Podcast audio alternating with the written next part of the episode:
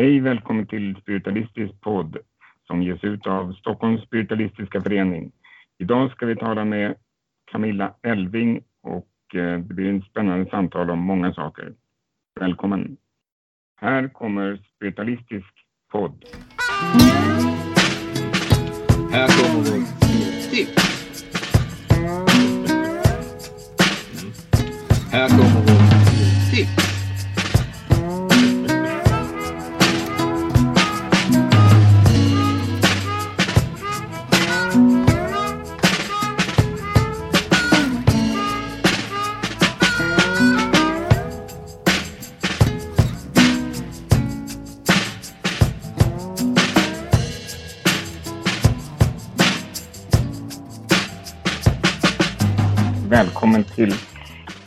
andra intervjuavsnitt och idag har vi med oss Camilla Elving från Stockholm och eh, eftersom på grund av covid så sitter vi alla i våra egna hem här. Och eh, ja, jag tänkte göra en kort presentation här av Camilla innan vi ber henne komma in. Och eh, Camilla är ju eh, medium, healer transmedium. Och eh, författare till ett antal böcker. Eh, jag tror att det är fem böcker, men det får hon korrigera mig sen då. Bland annat om själsresor och fysiskt mediumskap och om mediumskap och forskningen runt det. Och eh, Camilla är lärare också i mediumskap och transmediumskap. Och mycket imponerande. Alla vårens kurser är fulltecknade har jag sett idag. Det är ju fantastiskt. Det är få som kan skryta med det tror jag. Och eh, poddar också i Mediumpodden tillsammans med Vivi Linde som eh, kommer ut varje måndag faktiskt på Akas bland annat och andra ställen. Och sen driver du Elving Institute som är en skola med eh, kurser, utbildning, forskning och eh, ja, eh, mentorsprogram bland annat som eh, Prallan också är med i här. Och sen är det utomkroppare. Så här, det är också en... eh, Nu, nu är Camilla har lovat att vara i kroppen under hela tiden. Men eh, annars så eh, har hon tidigare i alla fall hållit på mycket med utomkroppsresor och eh, ska man säga, astralresor. Så håller du på med attraktionslagen och positivt tänkande och massa andra saker också förstås. Så välkommen Camilla Elving. Tack snälla Mikael och Prallan för detta. Wow, vilken presentation. Jag är helt imponerad. Det går ju att hålla på ganska länge för du har ju väldigt, väldigt många järn i elden. Ja, jag hör det. Jag blev lite förvånad. Vem är det du talar om? Talar om mig? Ja, Ja. jo, det är ett visst. Man har liksom lagt på sig ett, eh, en meritlista nu helt enkelt. Eller så här, ja, den, CVn blir längre och längre. Eh, så är det ju. Men eh, vad, vad glömde du? Nej, ingenting. Tror jag inte. Du, du tog verkligen med allting. Wow. Jag kommer att tänka på Mikael, en gång så blev jag intervjuad av en riktig journalist, notera riktig journalist. Eh, det var från tidningen, eh, eller förbunds och medlemstidningen då för Unionen. Eh, Alltså fackförbundet Unionens Mm. egna tidning, kollega tror jag den heter, heter den så? Ja det gör den nog. I alla fall, och då var jag jätteimponerad också för hon skrev verkligen ett riktigt reportage om mig och liksom presenterade mig på ett schysst sätt och liksom ganska fördelaktigt. Eh, Men jag, vet, inte, jag tyckte bara att hon gjorde ett, ett riktigt journalistjobb liksom på något vis. Så att det, jag var verkligen imponerad. Och sen så slår det mig också att jag var faktiskt med i Riksradio en gång. Eh, Radio Riks FM under ledning av Martina Thun som också är en riktig journalist. Hon var så här otroligt proffsig också, precis som du nu var Mikael när du presenterade mig. Och då kände jag mig så himla bekväm med hennes närvaro eh, i den här radiosändningen. Ja, det är härligt alltså när människor lägger manken till och ja, gör lite research och sånt där. Så tack så mycket. Ja, det var Mm. Just det, Ja. det här med Mediumförbundet. Du, du, har ju, du är väldigt engagerad där och sådär. Och, eh, jag har ju hört att många har försökt starta innan. Och vad har de gjort för fel egentligen? Eller vad tror du de har gjort för fel egentligen? Det jag har hört är ju att de har bråkat sönder alltihopa. Eh, faktum är att jag hörde ett möte, en sån här start eller ett försökt ansats till att starta ett förbund. Och hade det blivit så grälsjukt redan på första mötet så redan där sprack det. De hann inte ens till nästa möte, förstår du då? Ja, jag förstår. det är inte klokt. Ja, nej, för jag, hade, jag hade kontakt med Lottie Wallin. Hon, de har försökt ju något, med något eh, genom eh, Eh, Eh, ja och eh, då, jag var väl på något litet möte där, uppstartmöte, men det verkade ju okej okay då men eh, sen sa hon nej när jag messade henne så sa jag vad var det som hände? Ja, ja, om man ska starta med måste man ha pekpinnar och ja, köra hårt liksom va. Men det är kanske tvärtom man ska göra. Man ska kanske göra någonting helt annat än att vara stram. Eller vad säger du? Ja, man ska i alla fall göra på ett annat sätt. Så mm. långt har jag kommit fram till. Eller så här. Jag var ju själv med på, eller blev inbjuden till ett sånt här möte, det var väldigt många år sedan.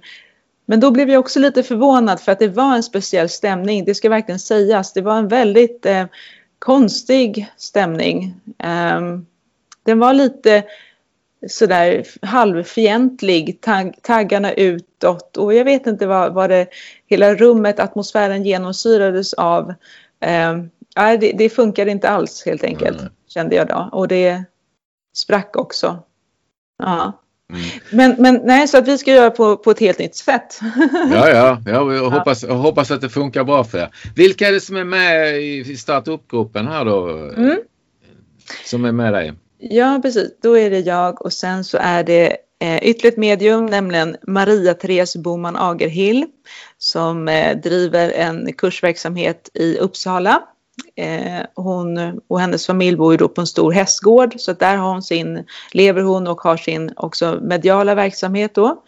Mitera Development och sen har vi Emmy Bornemark som eh, har jättestor erfarenhet av just det här då. Att, kanske inte direkt att bygga förbund men hålla på med de här typerna av frågorna som vi kommer ta oss an och eh, eh, vad är det hon pratar om? Det civila samhället och väldigt mycket jämställdhetsfrågor och eh, inkluderande och eh, bygga ideella organisationer och eh, ja, eh, den typen av bakgrund har hon. Mm. Och, eh, så det är fantastiskt för att jag tror att hon är så liksom, bra. Hon kan allt också det här vad ska man säga, byråkratiska och eh, formella och stadgar och hur man söker kanske fonder och bidrag och donationer och eh, ja, eh, lite juridiska aspekter. Nej men sådär, hon har verkligen rätt bakgrund känner jag. Så att det är fantastiskt då att eh, vi har hittat henne. Och sen har vi några till med oss, men det är framförallt vi tre som just nu håller på att eh, dra upp riktlinjer och gör en inventering, eh, en analys över läget bara, för det behövs också väldigt mycket. Många har föreställningen av att det är det här vi ska göra och så matar de på med ett antal saker. Men jag är inte helt säker på det. Det kommer upp nya saker nu därför att vår värld har ändrats och eh, ta bara det som jag ägnar mig åt precis nu, det är sekretessavtal för Zoom-seanser. Ja, ni hör, och försöker liksom få in någon slags branschstandard och mallar för sånt och eh, tänk kring det. Eh, ska vem som helst få till exempel eh, filma det och ta del av det materialet? Nej, det ska man inte, det får man inte. Det är upphovsrätt och immaterialrättigheter kring det här, men det är också andra saker som rör integritet och eh, sånt.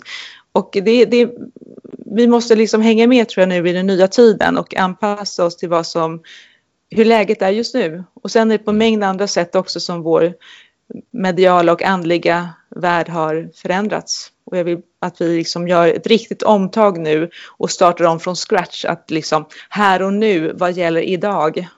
Just det. Mm.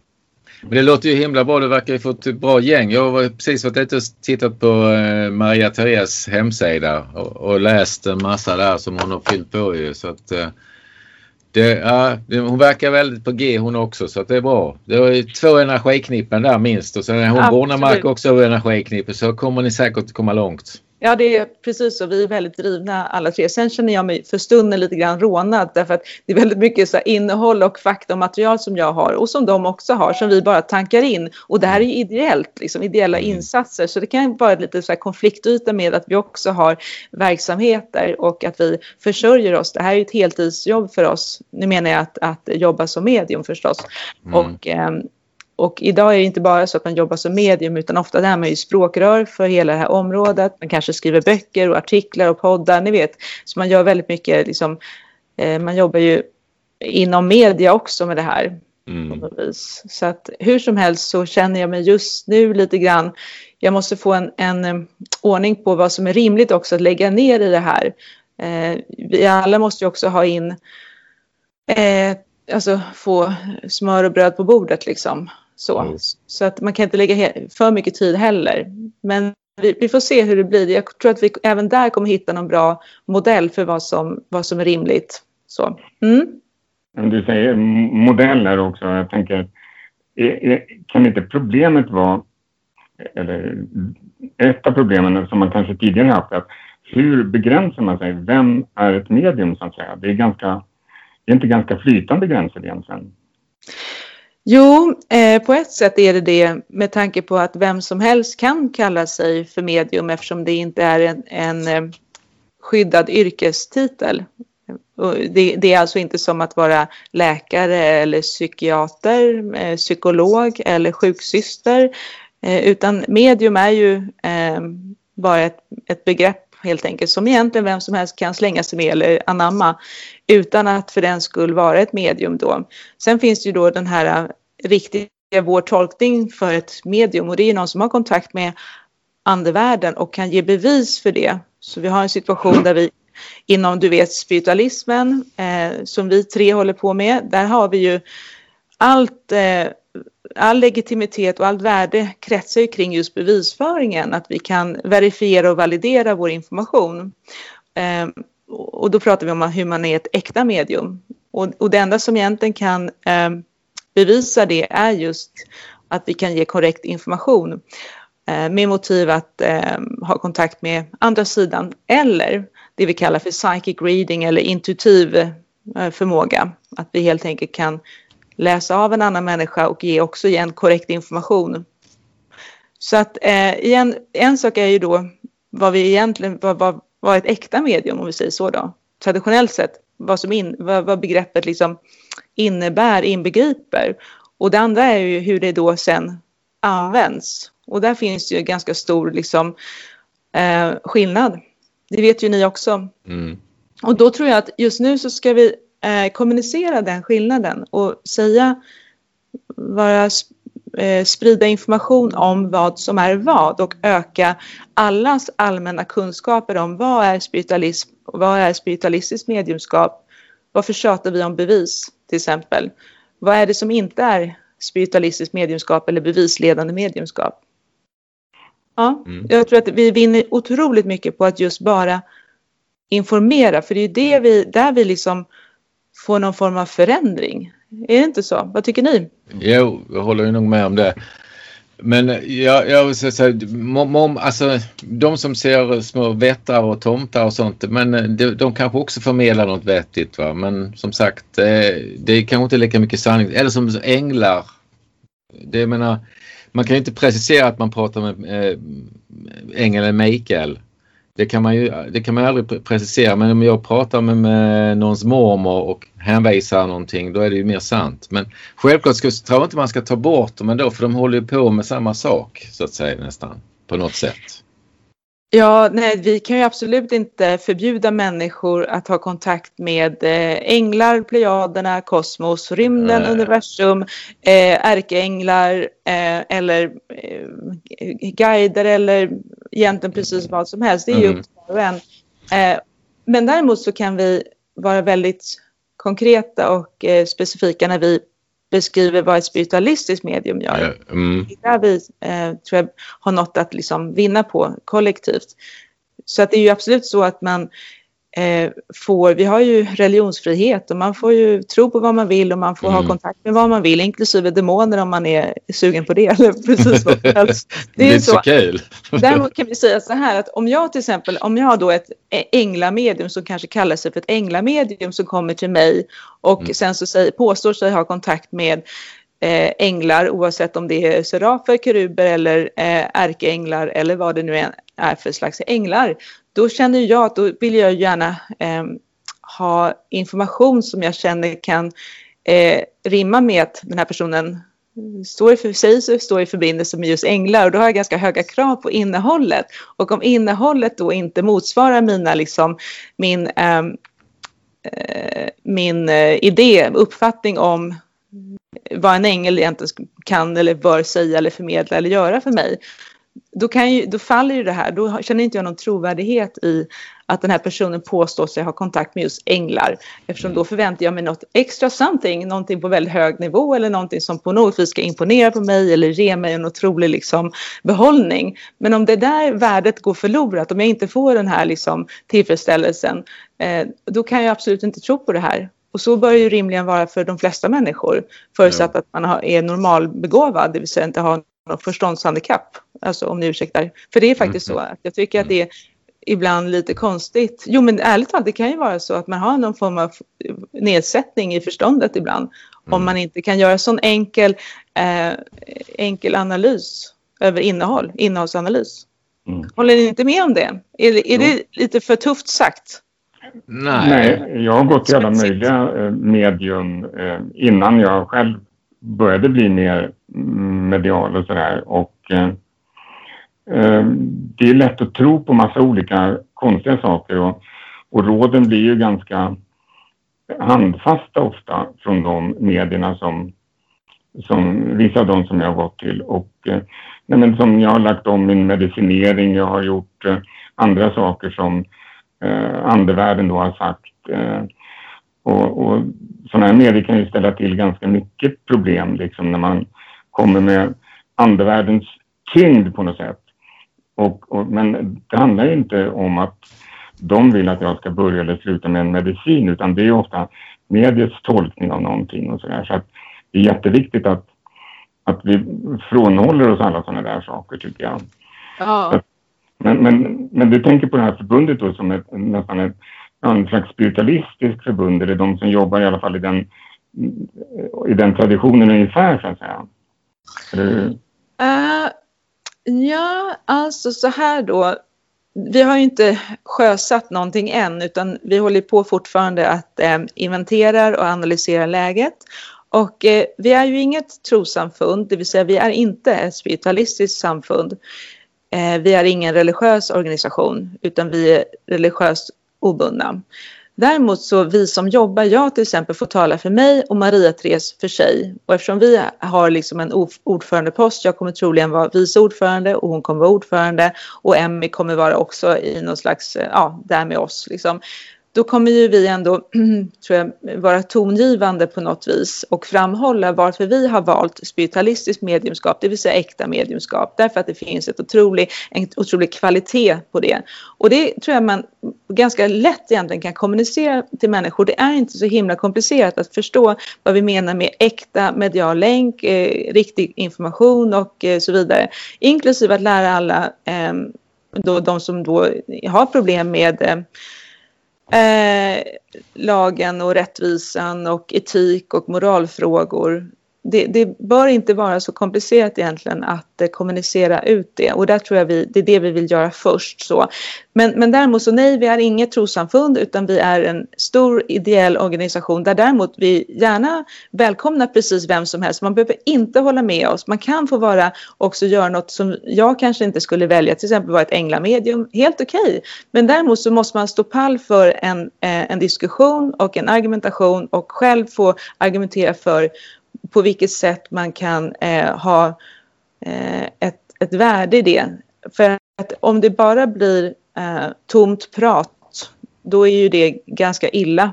Och då kommer man, det, det är ju väldigt många människor som kommer ja, genomskåda det eller känna att det här var ju inte något, det här är ju bara fluffigt prat liksom så. Eller liknande saker. Man kommer alltså få ögonen på sig. Så är det ju att bli ifrågasatt. Om man vill undvika det så kan man välja en bättre väg. Så man slipper bli ifrågasatt hela tiden eller ha en bristande kvalitet i sitt jobb. Så, så då, var, varför ska man hålla på med någonting som inte håller kvalitet när man däremot kan göra någonting som har kvalitet med sig? Det är bara så att vi vill eh, ge råd bara. Mm. Men, men, men däremot Mikael så, så får man precis vara eh, som man vill och eh, ha en annan uppfattning. Man är välkommen ändå för vi kommer bara tillhandahålla däremot Eh, det som är väsentligt och det är förstås forskning, vetenskaplig forskning, etiska riktlinjer och eh, väldigt mycket fakta och eh, vad ska vi mer göra för någonting? Ja, som jag sa, vi håller på hela tiden nu och kollar, har nulägesanalys och orienterar oss i den här eh, onlinevärlden nu och vad som gäller då och sånt där. Så det är väldigt mycket eh, liksom juridiska aspekter, upphovsrätt, immaterialrätt, sånt där. Mm. Och sen hörde du prata om pengar också faktiskt i, i en ja. podd. Ja. Eh, hur, hur, vi tar betalt och sådär också. Just det.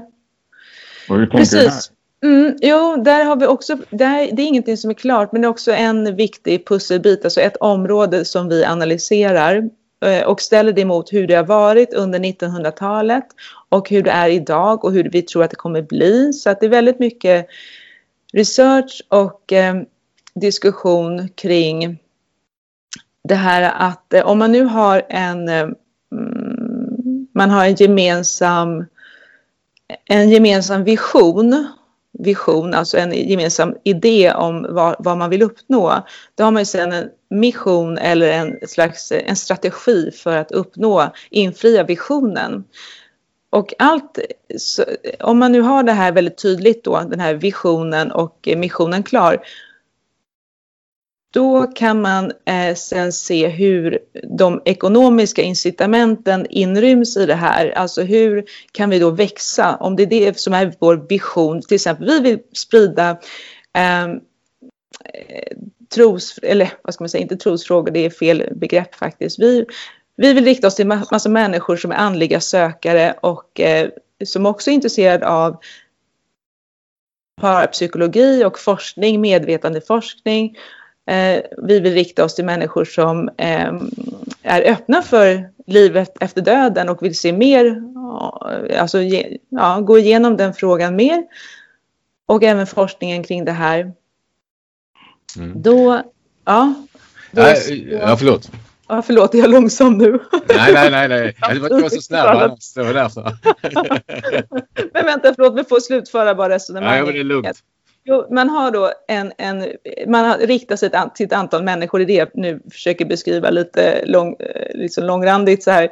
Alltså vi har en målgrupp då och de, det är väldigt många, det är väldigt mycket människor där ute som håller på med allt möjligt. Ni vet astrologi och shamanism och personlig utveckling och yoga och you name it. Och alla de här är vi öppna för att de kan vara medlemmar i vårt förbund.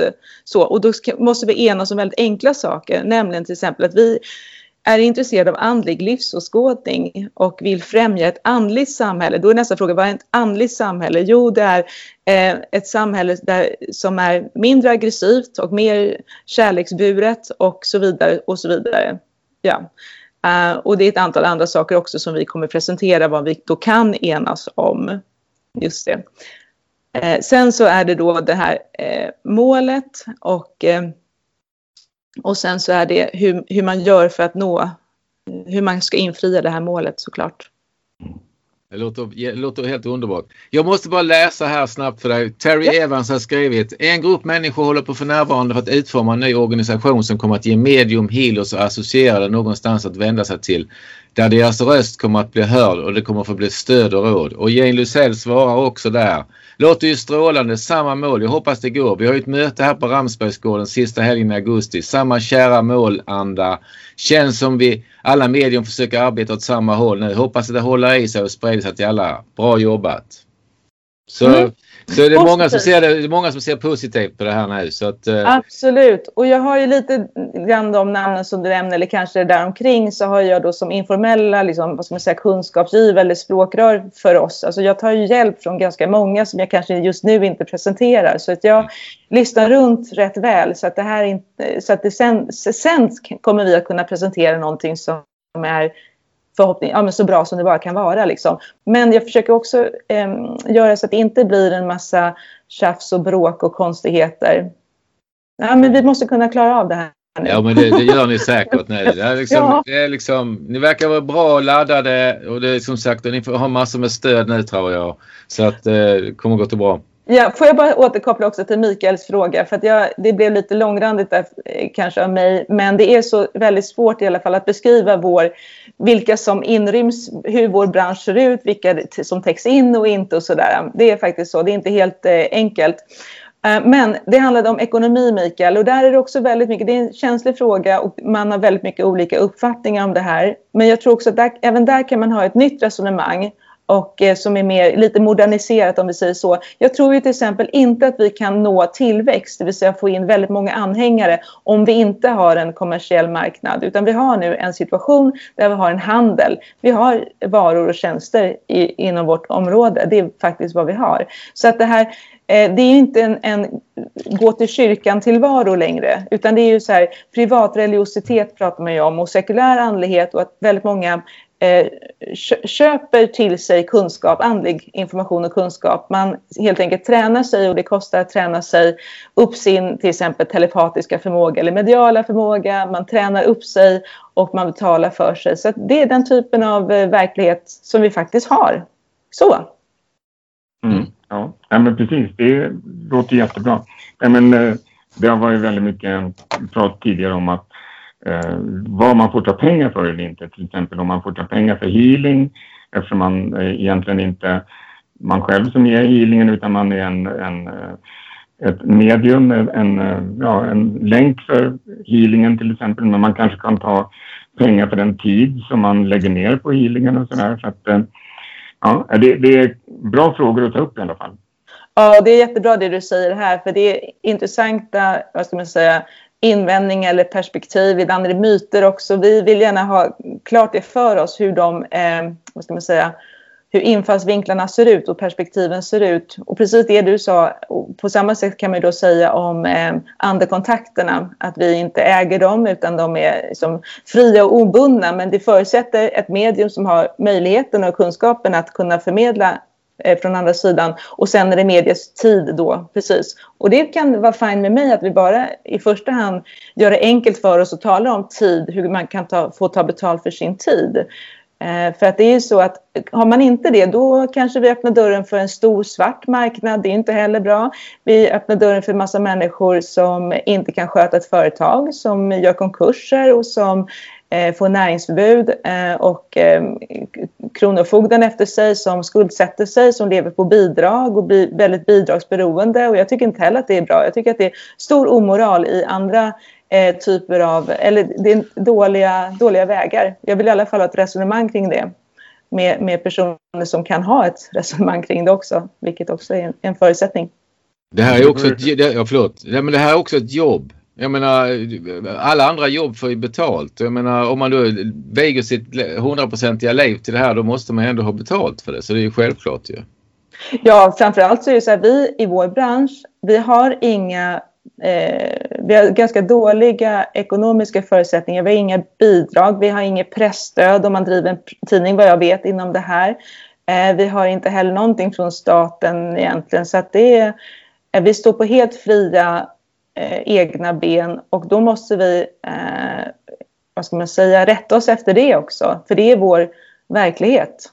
Mm. Mm. Jo, många lägger ner många, många timmar och väldigt mycket pengar på att utbilda sig. Många andra yrken kan man utbilda sig utan att det kostar någonting som eh, till exempel ja, sjuksköterska eller undersköterska eller många andra eh, yrken där man går på ett universitet. Så där, då, då kostar kanske inte utbildningen så mycket men Eh, det är många som lägger ner hundratusentals kronor på sin mediumutbildning. Nej, vi lever i ett fantastiskt land där vem som helst faktiskt kan gå på högskolan och det är otroligt. Eh, mm. Man kan läsa på universitetet och det är klart att man då måste ha försörjning under tiden och då kan man få lån från staten så det är otroligt bra. Vi har ju ett fantastiskt liksom, läge på det viset. Men i övrigt så tror jag att vi till exempel just inom eh, situationen för medium i Sverige, medium och healers, vi bör nog jämföra oss lite grann med psykologer och titta på det. Eh, som också som hjälper människor som har eh, personliga problem och som eh, behöver hjälp med det och som tar betalt för sin tid då och också har en utbildning som ungefär motsvarar lika många år som det tar för att, för att bli ett fullfjädrat medium. Det är faktiskt så. Det tar många, många år. Det vet ju ni också. Och så ska vi också prata om vad, som, vad det faktiskt krävs. Mm. Så att, och sen, inga jämförelser övrigt. Jag vet att eh, en legitimerad psykolog är vad den är och den är inget medium och ett medium är ingen legitimerad psykolog. Så det är inte det. det är bara vi, jag tror att vi ska jämföras med yrken där det ändå funkar att göra en jämförelse. Och jag kommer fram till att till exempel psykolog, men även andra typer av rådgivningstjänster, för det är vad medlemskap är, en rådgivningstjänst. Vi, vi säljer information och så konkret vill jag vara också, för då blir det mycket enklare för människor att förstå. För det är vad vi faktiskt gör, vi säljer information, punkt. Mm. Och då, då är det den typen av eh, och det gör en psykolog också. Men det gör även en, en eh, finansiell rådgivare, en, en strateg som har gått på Handelshögskolan och ger rådgivning till företag. Säljer också information. Och jag vet att det kan låta konstigt kanske, men jag tror att man kan eh, nå någon vart om man igen börjar ta lite nya perspektiv på det här. Mm. Sätta på sig andra glasögon, vad, vad händer då? Det kan vara spännande för en själv, för ens egna mindset att komma någonstans. Mm. Ja, men det vore ju roligt till exempel om det här förbundet också eh, skulle kunna till exempel göra då psykologer mer medvetna om vad medium kan göra. För att ett medium i en sorgeprocess kan göra väldigt, väldigt mycket på väldigt kort tid egentligen. Alltså det kanske räcker med ett eller två möten så har man lösa upp knutar som kan ta år att lösa upp inom en terapi till exempel. Eh, man kanske inte kan lösa upp den helt och hållet men man kan komma ganska långt eh, i den här förlåtelseprocessen i en mediumkoncentration och där kanske en psykolog skulle kunna, eller psykologer kunna se eh, värdet i det. Absolut, du har helt rätt för det första i att det är jättebra att informera så många som möjligt om vad ett medium gör. Sen är det så att eh, lite forskning som pågår just nu har det här fokuset att eh, vad händer om man sätter samman ett medium med en psykolog eller en socialarbetare också för den delen eh, och liknande. Va, vad händer då? Så det forskar de ju på bland annat på Winbridge Research Center eller Winbridge Institute tror jag de heter. Det mm. finns olika falanger inom det. Var fanns det någonstans? Eh, ja, det, det är i USA i USA. Och de forskar på eh, alltså den här um, terapeut, the therapeutical benefits of mediumship. Eh, kan säga, terapeutiska fördelar med att gå till ett medium och ha eh, en konsultation med ett riktigt medium. Och då har man redan nu kunnat konstatera att det ger en otrolig eh, sorgeläkning det lindrar sorg, det lindrar sorg väldigt mycket och det gör också att man får en helande process eftersom då händer ju väldigt mycket i kroppen som eh, har med, ni vet, endorfiner och alla möjliga kemikalier och hormoner att göra. Så då kan man ju se en hälsoeffekt helt enkelt. Det är det som blir kontentan av det hela. Ja. Så du har helt rätt Mikael, det är, det är, där vi, det är ett av de eh, forskningsfokusen som är just nu. Mm. Men för jag vet att du är väldigt intresserad av forskning. Mm. Och, eh, hur ser forskningsläget ut runt medlemskap? Jag vet att man forskar runt medlemskap i olika eh, dubbelblindtestsformat. Eh, men kan du förklara lite runt hur den forskningen ser ut? Just det här med, för där forskar man väl hur eh, träffsäkra medium är och sådär, om jag förstår ja. det. Jo, precis. Först ska sägas att eh, vad jag hör och har hört kanske senaste tio åren från vissa håll, det är att de hela tiden klagar på, att de, på det här med anslaget, att de får inte tillräckligt mycket stöd och pengar för just den här typen av forskning. Att det finns inte tillräckligt, fortfarande inte tillräckligt stort intresse från universitetsvärlden att forska på just mediumskap. Men eh, till det som du säger nu så är det ju så att man eh, dels forskar på förstås, eh, om vi tar då rent konkret vad ett medium gör och när det handlar om träffsäkerhet och eh, påståenden som medium har som kan eh, verifieras så har man ju absolut kommit fram till att det finns medium som kan ge eh, så pass träffsäker information att det omöjligt kan göras, eh, röra sig om något annat än just utomsinnig varseblivning. Nu låter jag ju själv eh, som en forskare nästan som inte har koll. Men jag, jag bara citerar lite grann från mitt huvud vad, vad, eh, rent konkret vad de, vad de säger. Och eh, sen har man också tagit fram massa andra intressanta fakta kring ett mediums arbete. Det är att vi vet att när ett medium jobbar med medial länk, det vill säga kontakt från andra sidan, så kan man se eh, hjärnans aktivitet och följa den och se att när vi får information så skiljer sig vår hjärnaktivitet från när vi minns. Så det har inte med vårt minne att göra. Och det skiljer sig också från när vi fantiserar. Så det eh, när vi har utomsinnlig varseblivning, det vill säga en kontakt med avlidnas själar och ger information kring det, så skiljer sig vår hjärnaktivitet från det från när vi minns eller fantiserar. Det är inte samma typ av eh, eh processer i hjärnan, utan en annan process och det är fruktansvärt intressant. För jag menar att det går slussas på ett annat sätt Mm. Det, det, handlar inte om minnen, det handlar inte om fantasier och föreställningar. Det här handlar om något annat och då har vi kommit fram till att vi vet inte riktigt hur utomsinnlig varseblivning, hur, hur vi får till oss det. Det vill säga om vi har en, en avsändare och hur den ser ut och varifrån. Så att det är frågetecken, men vi har i alla fall kommit ett steg vidare. Och nu pratar jag bara utifrån forskningen, den här fyrkantiga forskningen. Sen vad vi spiritualister vet, det är en annan sak. Man kan ju tycka att den här är ju helt på efterkälken. Det här har ju vi känt till i, liksom, i hundratals år. Men det är en annan, att, att just belägga det här vetenskapligt, det är liksom en annan sak. Ni vet vad jag menar? Mm. Mm. Ja, men, och man har väl forskat om det här i hundra år också ungefär kanske? Ja, precis. Den här forskningen är inte ny. Man har ju till exempel forskat eh, vid Rhine Research Center sedan ungefär eh, 30-talet. Han hette ju J.B. Ryan och är liksom en jättestor eh, vad ska man säga, ikon inom just eh, parapsykologisk forskning kring just mediumskap och healing. Och de har ju forskat jättemycket också på psykokinesi. Ni vet psykokinesi, det vill säga eh, när det handlar om en fysisk påverkan på eh, föremål. Men också ESP, det andra benet inom parapsykologi, det vill säga extrasensory perception. Nu använder jag mig inte av mediumbegrepp utan det är parapsykologtermer. Men ni vet ju vad jag menar, det är ju de två benen.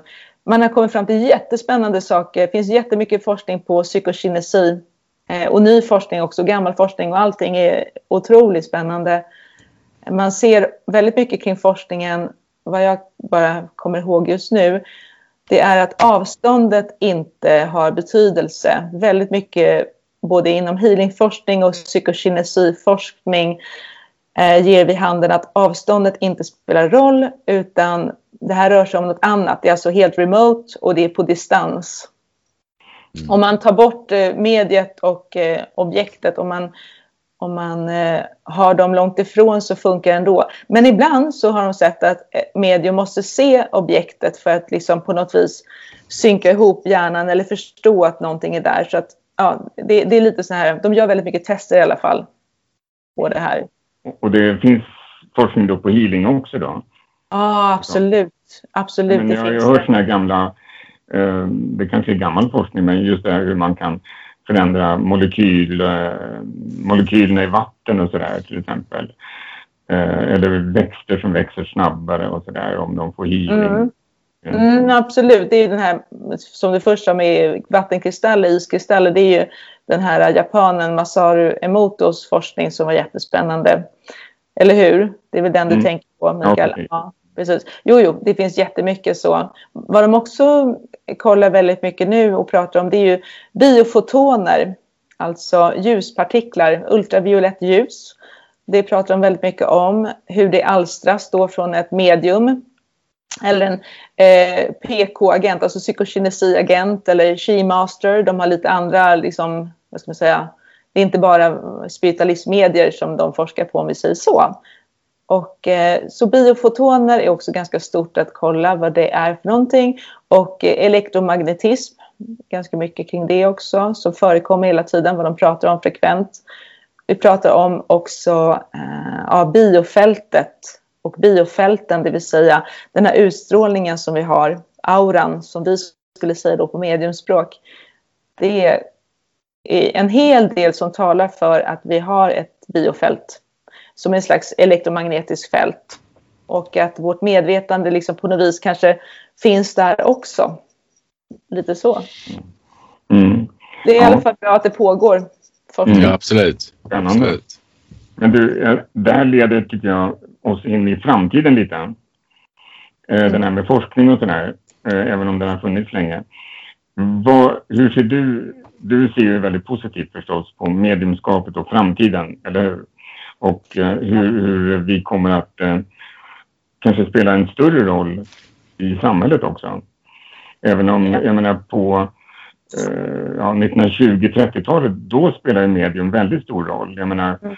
det var ju väldigt många stora eh, kända konstnärer och filosofer och politiker och allt möjligt då som erkände sig som spiritualister. Mm. Men att, att det kan bli en som en revival här, tänker du? Eller hur, hur känner du inför den, vår framtid, så att säga? Ja, jag försöker ju försöker hålla isär vad som är min förhoppning och vad som är vad jag känner för andevärlden, vad de säger och vad som är min egna, vad ska man säga, sjätte sinnet. Jag är den typen av medium som inte heller underskattar min egna andliga intelligens. Eh, jag är inte bara enbart beroende av att ha en eh, Eh, blending with spirit liksom hela tiden, utan jag har ju också vi är ju också andar, vi är ju också själar, vi tre, tänker jag. En del eh, underkastar sig lite väl mycket och lägger undan sig själva bara som ett instrument. Men jag vet också att eh, jag är väl medveten om att vi har ett högre jag och en egen själslig intelligens. Och från den så kan man också få information. Och eh, när det gäller det här, Mikael, och eh, framtiden så är ju det är så att jag tror vi har en otroligt god och växande marknad. Absolut. Sen beror det lite grann på hur det här kommer. Det är lite så shaky också, hur den, vilken väg den kommer ta. Det vet jag inte riktigt så. Men jag vet bara att det kommer absolut eh, hända saker som är verkligen liksom väldigt bra för oss. Men vi har också en teknologisk, eh, väldigt mycket innovationer inom, alltså den teknologiska sidan kommer in så himla mycket också nu. Så det är något som är jättenytt och det kan vara till vår fördel och till vår nackdel också. Det kan bli väldigt infiltrerat av teknologi också på ett dåligt sätt som jag ser det. Men det kan också bli väldigt bra så att allting kan bli verkligen till vår fördel om vi bara försöker nu att eh, göra, göra rätt vad menar du med teknologi? Jo, Inte bara digitaliseringen då? Utan... Nej, utan betydligt mer än så. Absolut. Det, det forskas en hel del eh, på det här. Men, men låt oss lämna det just nu då. För att jag tänker så här att vad vi än gör nu, om man har igen så dåliga, eh, går in med dåliga energier i det här, vad man än gör, nu pratar jag om kollektivt. Om man då, om den här rörelsen förs fram genom eh, eh, greed, alltså att man är eh, Girighet. Girighet, precis. Och inte bara ekonomisk girighet utan på, på fel sätt bara. Alltså, jag tror bara att man ska ta det lite lugnt ibland och, och igen analysera varför gör vi det här? Vad, vad, är vårt mål? Vad är det genuina kärnan i det här? Oavsett sen om man slänger sig på det teknologiska eller det här lite mer naturliga då sättet att eh, jobba med energier, healing och mediumskap Jo, det är en hel del nu som jag ser såklart i forskarvärlden. Där kan det också bli så att om man får, jag tar då min idol förvisso, William Bengston, som håller på med healingforskning och har gjort det i 35 år på cancerceller. Han, han vill gärna skala upp det här, det vill säga koppla upp den här healingmöjligheten till en, ungefär som en molntjänst eller man, man eh, gör det delbart, man skalbart och så att det blir når otroligt många. Och det är helt rätt. Och han är ju helt underbar och genuin och jag har skrivit om honom och intervjuat honom, träffat honom personligen och allt det här. Men liknande saker kan ju, det kan ju alltid vara så att fel personer kommer in och försöker på något vis eh, skapa något dåligt. Liksom. Så är det ju alltid. Så att jag tror att eh, ja, låt oss hoppas att det, all, all, all makt hamnar i liksom rätta händer. För det här är makt också. Informationsteknologi är makt, mediumskap är makt, healingförmåga är makt. Det är sånt som folk åtrår. Det är det jag menar med makt. Och vi har ett otroligt personligt ansvar när vi plötsligt har åtkomst. Alla har inte det. Alla kan inte leverera bevisledande information. Vi har sett inom remote viewing-världen, till exempel eh, inom underrättelsetjänst och espionage och sånt där, att det har varit lite så här etiska gråzoner. Och då pratar jag igen om, det är då något inom människan, man vill använda det här, utnyttja det här i fel syften. Kanske i, i eh, militär psykologisk eh, krigsföring eller att man kanske vill hålla på att utnyttja medial förmåga för, ja ni vet, så här simpla saker om vi säger så. Mm. Alltså jag känner så att Mm. jag älskar ju medium som vill kanske bygga upp en stab med eh, medium och remote viewers som hittar försvunna människor som Steven och Stella Upton gör, eller Stella Upton i England till exempel. Det är fantastiskt, det är behjärtansvärt och fantastiskt bra. Sen finns ju den här medier som verkligen liksom är en riktig sellout, liksom, som eh, du vet, bara tjäna pengar, liksom, mycket så demoner i hus och bara göra det här sensationslystet för att bara bli känd och casha in. Det är ju så, bygga upp sitt egna namn för, bara för att det är lätt liksom, nå en ung publik. Och, ja, vad heter han i USA där ja, som, som uh, han älskar, han, han, har gjort de här tv-serierna också. Ja. Han är ju, hans böcker är ju jätteläskiga. Det är rena spökhistorierna allting. Mm, mm, han verkar ju mm. tro på det där också men han sprider ju väldigt mycket skit helt enkelt. Ja, exakt. Det är det jag menar. Så att allt det här eh, handlar alltid om bakgrunden inom en människa. Vad är motivet till det hela? Och så är det, det var bara det egentligen jag ville, ville säga lite mer utdraget. Jag, jag brukar vara en sån här som formulerar mig kort men den här podden blir bla bla, blir babbigt på min sida. Vad konstigt. vi, vi drar ur dig. men, men, vad tänker du där med, under det här året då, eller 2020 så har vi blivit väldigt, eh, eller vi, men många har blivit väldigt digitala. Och du har blivit väldigt digital mm. har jag förstått. Du har till och med en eh, e-learning-kurs. Mm. Uh, ja. Det är väldigt imponerande och hänger med i tiden. Men hur ser du framtiden för det?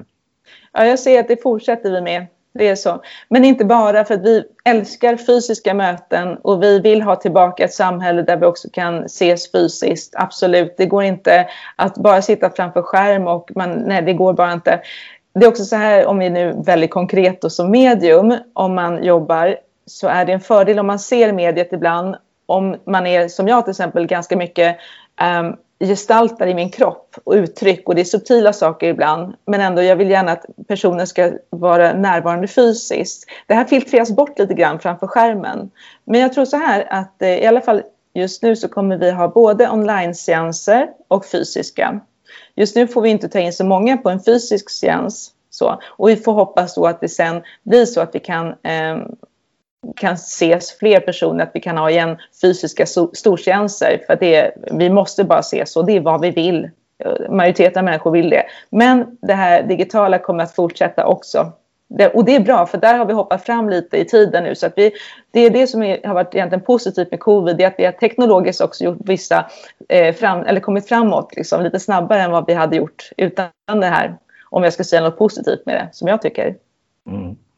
Ja, det, är en fördel. Man kommer ju ut i skogarna med så att säga. Man är inte bara i Stockholms eller stor, eh, storstadsområdena. Så att det, det, det, blir ju också en svans att ta det så att säga. Så det är väl bra. Ja. Sen har vi lite eftersläpning. Det går lite långsamt. Alltså, det är, alla är inte med i matchen när det kommer till det här digitala än. Utan det kommer ta lite längre tid här i Sverige känns det som. Mm. Jo, ja, men precis. För den eh, vanliga publiken vi har på en seans på föreningen, den är ju... Jag vet inte hur många som egentligen är digitala där, för det är ganska många som är äldre också. Ja, nu har det börjat komma ganska många unga också, men eh, det är många som inte är digitala verkligen. Och, och då kommer man ju långt ifrån den här världen helt plötsligt mot de som är helt ja. uppkopplade och sådär. Ja, helt klart, så är det ju. Mm -hmm. Men vad tänker du om det här med coronan om man säger som eh, finns det någon högre mening med det? Eller, det är en väldigt eh, konstig fråga, eller stor fråga kanske man kan säga, men ja. det går att besvara. Och, Nej, precis.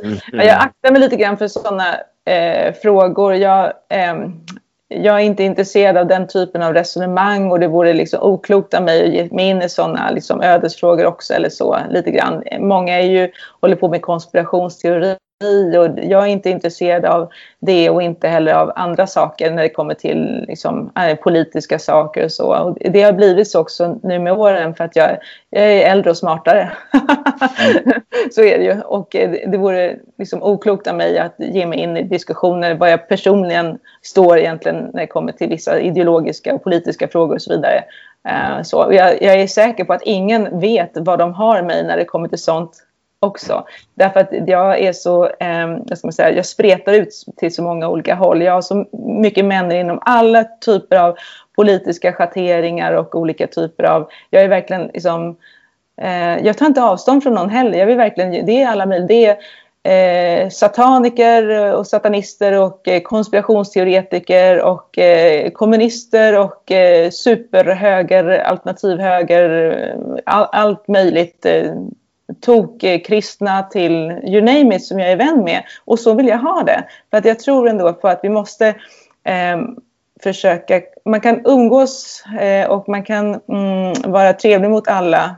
Eh, de flesta i alla fall. Jag tar avstånd från människor som begår eh, våldshandlingar och sånt givetvis. Och, och är liksom väldigt, eh, ja, har, har inget, ingen moral och inget samvete. Och sen så, eller även genomkorrupta människor, sådana träffar jag absolut, jag känner sådana. Jag ser vad de är, men jag tar dem för vad de är också. Att, och det är ingenting jag stör mig på längre. De får vara där de är. Liksom. Har du börjat eh, lyfta på kjolen hit och dit så fortsätt med det du. Jag kommer inte göra det. Jag har integritet i mitt jobb och så vidare. Eh, så att, eh, ja. mm. Nej, men det, det är ju det som är Eh, kan vara knepigt eh, just i det här digitala också. Att man kan dölja mycket mer av sin personlighet i det digitala än man gör i de här eh, verkliga mötena. När man går på kurs eller det blir väldigt många härliga möten när man går på en medial kurs eller en andlig kurs och sådär. Och, och det, det blir en, man kanske kan få det till viss del men man, man avslöjar sig inte på samma sätt eller man är inte man, det är en väldigt liten del som man eh, medverkar med eh, jämfört med när man är fysiskt där tillsammans. Ja. Absolut, men du har helt rätt Mikael och eh, det är sånt här som är intressant också som vi alla lär oss och förstår vad som är skillnaden mellan liksom digitala sammankomster och fysiska till exempel som du är inne på nu. Det är jättespännande. Och eh, all sån här information försöker jag också koppla till vår bransch och eh, framförallt nu med Mediumförbundet Eh, allt som är väsentligt för oss att känna till, desto bättre. För det är det också som vi ska kommunicera ut sen, och, eh, eller vara bäst på och, och ha koll på. Finns det, eh, som du ser vanliga missuppfattningar sådär generellt om medium och sådär? Ehm, om du sitter på en fest till exempel och då berättar du att du är medium. Vad, vad är den vanligaste eh, frågan eller missuppfattningen du möter? Så här? Alltså, ja, det där är så svårt att svara på för att idag eh, är det här så... Det har hänt så mycket saker. Vi, det är så allmänt känt nu eh, och lite grann vedertaget att det finns medium i vårt samhälle. Tack vare tv och den här kommersialiseringen så har vi verkligen vunnit fördelar i den allmänna kunskapen och kännedomen om, om oss. Så att hade jag varit på en fest, eh, så, mm, liksom vilken fest som helst, så skulle jag nog bara se som eh, någonting spännande inslag. Wow, där, där är ett medium, vad roligt. Lite så. så att det är väldigt liksom, eh, på ett sätt så är det, det är ingen kanske som, det är inte så sensationellt kanske heller riktigt eh, nu, utan mer vanligt till att börja med. Men å andra sidan så vissa blir väldigt så här, wow, gud vad spännande, åh. Det är många som inte har kommit ut ur garderoben än som är jätteintresserade av sånt här, som verkligen vill träna upp sin egna mediala förmåga eller vill gå till ett medium.